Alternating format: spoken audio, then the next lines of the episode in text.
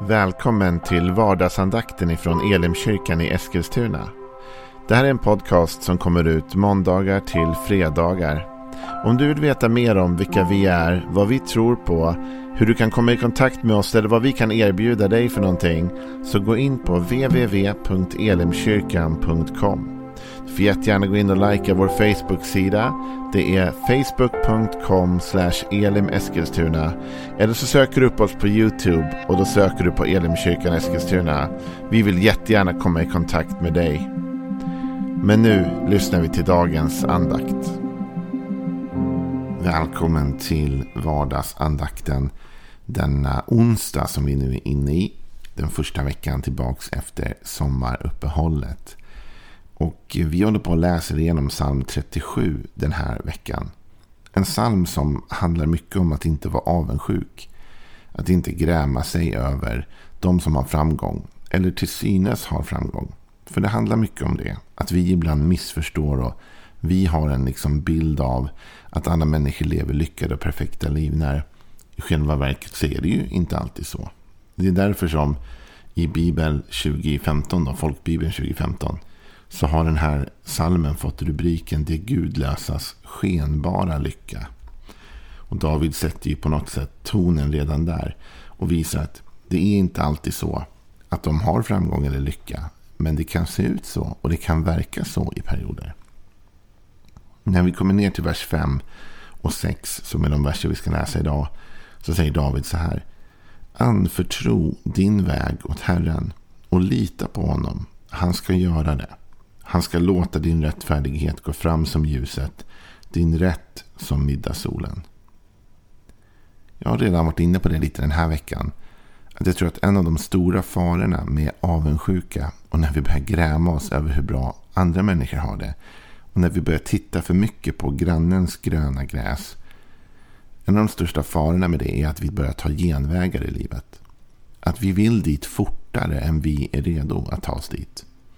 Och vi börjar liksom cut corners som man säger. Vi börjar göra halvt tvivelaktiga saker. Och till slut är vi inte bättre än den ogudaktige eller den orättfärdige. Och vi gör fel saker för att uppnå vad vi tycker är rätt resultat. Men till slut hamnar vi där Jesus ändå säger att vi hamnar. Att vad hjälper en människa om hon vinner hela världen men förlorar sin själ? Så vi upptäcker till slut att vi har, har kompromissat för mycket med vilka vi är eller vad vi tror på. Eller de värderingar vi har bara för att nå det där, få det där som alla andra tycks ha. Här fortsätter ju David att säga att vi ska anförtro vår väg åt Herren och vi ska lita på honom. Vad är det vi ska lita på? Jo, han ska göra det. Så det finns ett rätt sätt och ett fel sätt ibland att komma till en viss punkt. Det är som att det finns ett berg att bestiga och det finns olika vägar upp. Och det finns en rätt väg och en fel väg. Det finns en väg upp så att säga där vi tar oss kanske till toppen. Men vi gör det genom att kompromissa med vår etik, med vår moral. Vi gör det genom att fatta tvivelaktiga beslut eller bränna ut oss själva i förväg för att vi jagar upp något överstressat tempo bara för att vi måste nå dit nu. Men så finns det en annan väg att nå sig dit och det är att lita på Gud. Lita på att Gud kan föra dig dit ditt hjärta begär. Den förra versen innan vi läste det här avslutades med detta. Att han ska ge dig vad ditt hjärta begär. Så Gud har en vilja, en längtan att ge dig det goda. Det där som du längtar efter, det där som du vill ha. liksom.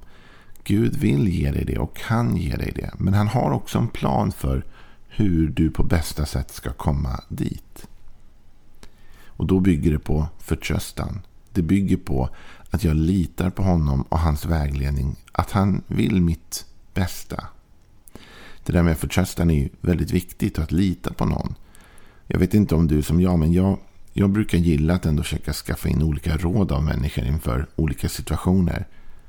Men de råd som jag är allra tryggast med att ta emot liksom och applicera i mitt liv. Det är de råden som kommer från människor som jag vet bryr sig om mig. Alltså människor som jag vet älskar mig. Mina föräldrar, mina syskon, min fru, min familj. Liksom. De som vill mig väl. Mina närmsta vänner. Om de ger mig råd. då vet jag åtminstone att de har alltid mitt bästa i åtanke. Liksom. De vill mitt bästa. De är ute efter det som är gott för mig. Det finns en förtröstan från mitt håll som gör att jag också tar deras råd ibland. Om de skulle säga till mig, hörru, stanna upp lite nu. Ta det lite lugnt, stressa inte in i det där. Då skulle jag lyssna och jag skulle förstå att de vill det som är gott för mig. Det där förtroendet behöver vi bygga upp för Gud. Att vi med vår livsvandring litar på att Gud vill vårt bästa. Det här är liksom ondskans eh, främsta vapen nästan. Det är att få oss att inte tro, inte lita på Gud. Att säga liksom att, men hörni, tar det inte lite för lång tid här? Joel, skulle inte du bort dit? Eller vill inte du till den toppen? Eller hade inte du de här drömmarna, de här tankarna? Nu går det väl lite sakta. Gud har glömt dig. Han har glömt sitt löfte till dig. Paulus talar om det när han talar om Jesu återkomst och det som händer vid tidens slut. Så säger han, det är inte som några säger att Gud är sen med att uppfylla sitt löfte. Utan han dröjer av specifika skäl. Han har en plan med det. Så du och jag, vi måste anförtro vår väg åt Gud. Lita på att lyssnar jag till honom så vill han mitt bästa. Och han kan ta mig dit jag ska. Det är inte så att jag inte kommer komma dit. Jag behöver inte kompromissa med mina värderingar, med mitt liv. Han ska göra det. Det landar tillbaka i den här herdefrågan som Bibeln talar om. Att Gud är vår herde. Till och med Jesus benämner sig själv som den gode herden. Och i Bibelns kanske mest kända psalm, den 23 psalmen, så talar ju David om det. Han säger Herren är min herde, mig ska ingenting fattas. Vi kan bara stanna där. David har en insikt om att om Gud är min herde, om han är den som leder mig, om det är hans råd jag lyssnar till, hans väg jag följer, då kommer ingenting att fattas mig. Och det innebär såklart inte, jag tror inte David menar att vi kommer få varenda liten mikropryl av allting som finns i världen. Det är inte det det här handlar om. Men vid slutet av livet så kommer jag inse att det har inte saknats mig någonting. Jag är nöjd. Jag nådde dit jag ville. Jag känner mig tillfreds med livet och tillfreds med det som Gud hade för mig. Herren är min herde. Mig ska ingenting fattas. Han låter mig vila på gröna ängar. Han för mig till vatten där jag finner ro. Det där är också lite svårt. Därför när vi vill framåt, va? David i psalm 37, som är den vi egentligen läser, är ju avundsjuk. Eller brottas med avundsjukan kring de orättfärdiga och de ogudaktiga. Och liksom, då vill man ju vidare, då vill man inte vila. Men Gud, jag vill ha det där som de har, men nu ska du vila här. Men jag vill inte vila nu, jag vill dit.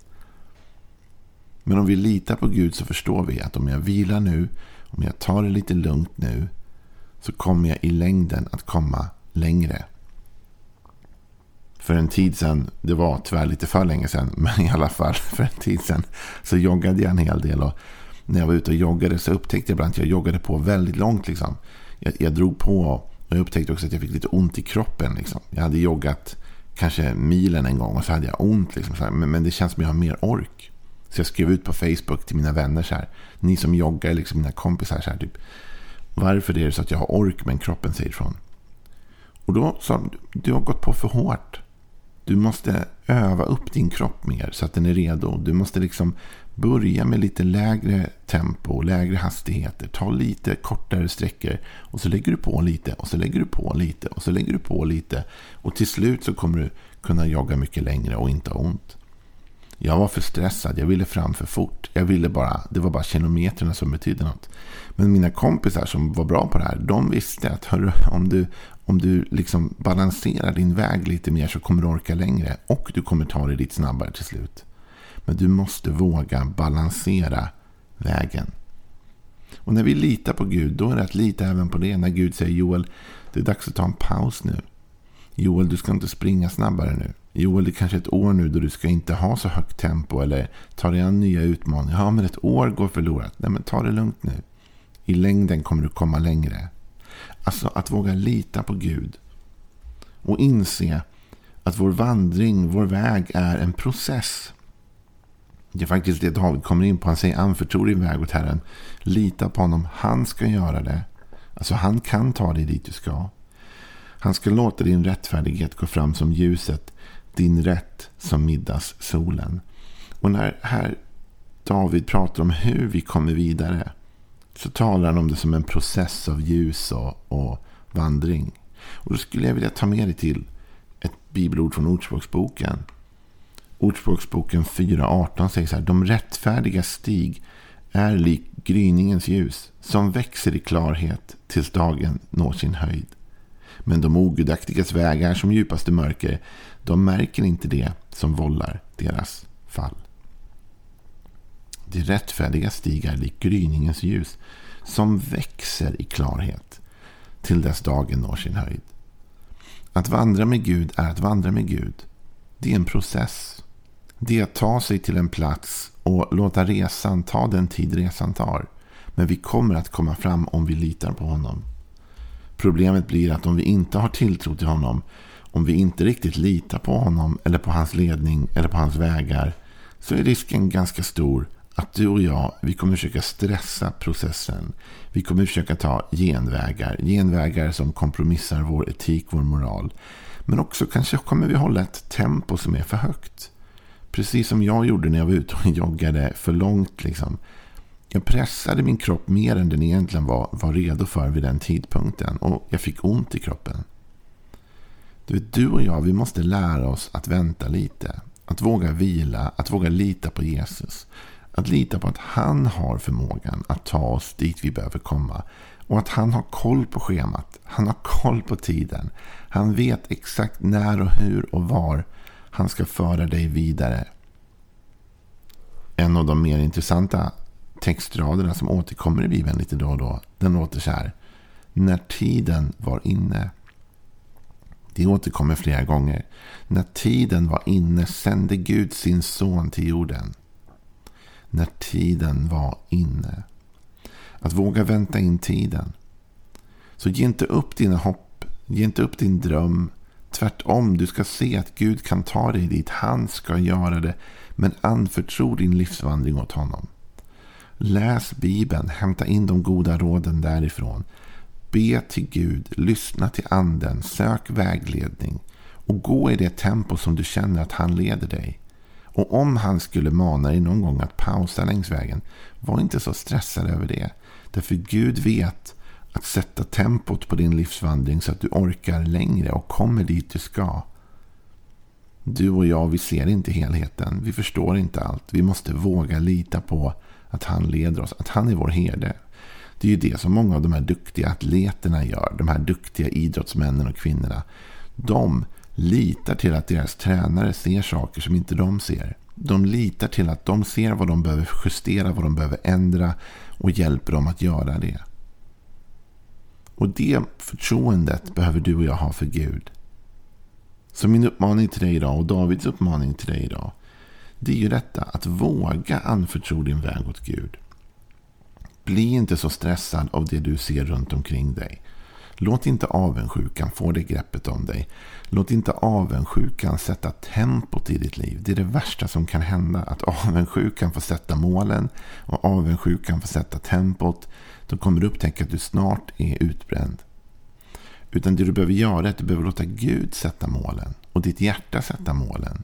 Lyssna till ditt hjärta. Lyssna till den heliga Ande, lyssna till Gud. Sätt ut målet och sen lita på att Gud tar dig dit i en process över tid. En process som innehåller, innehåller alla moment av både vila och, och det är klart, ibland så kommer den gode herden också att öka på ditt tempo. Ibland kommer han säga till dig, Hörru, nu skulle vi vila här, men nu har du fastnat där. Nu behöver, behöver öka tempot, du behöver få lite mer fart här nu. Nu måste vi vidare. Men han vet precis när han ska pusha på dig. Han vet precis när han ska låta dig vila. Han vet precis allting om din livsvandring. Och du kan bara vila tryggt i att han har en plan för ditt liv. Och att han vet hur du ska komma i mål. Låt oss göra det idag. Idag när du har lyssnat på den här andakten. Be en kort bön. Säg till Gud. Gud, idag anförtror jag min väg åt dig. Idag litar jag på att du leder mig precis dit där jag behöver vara. Ha en välsignad dag så hörs vi imorgon igen. Hej då.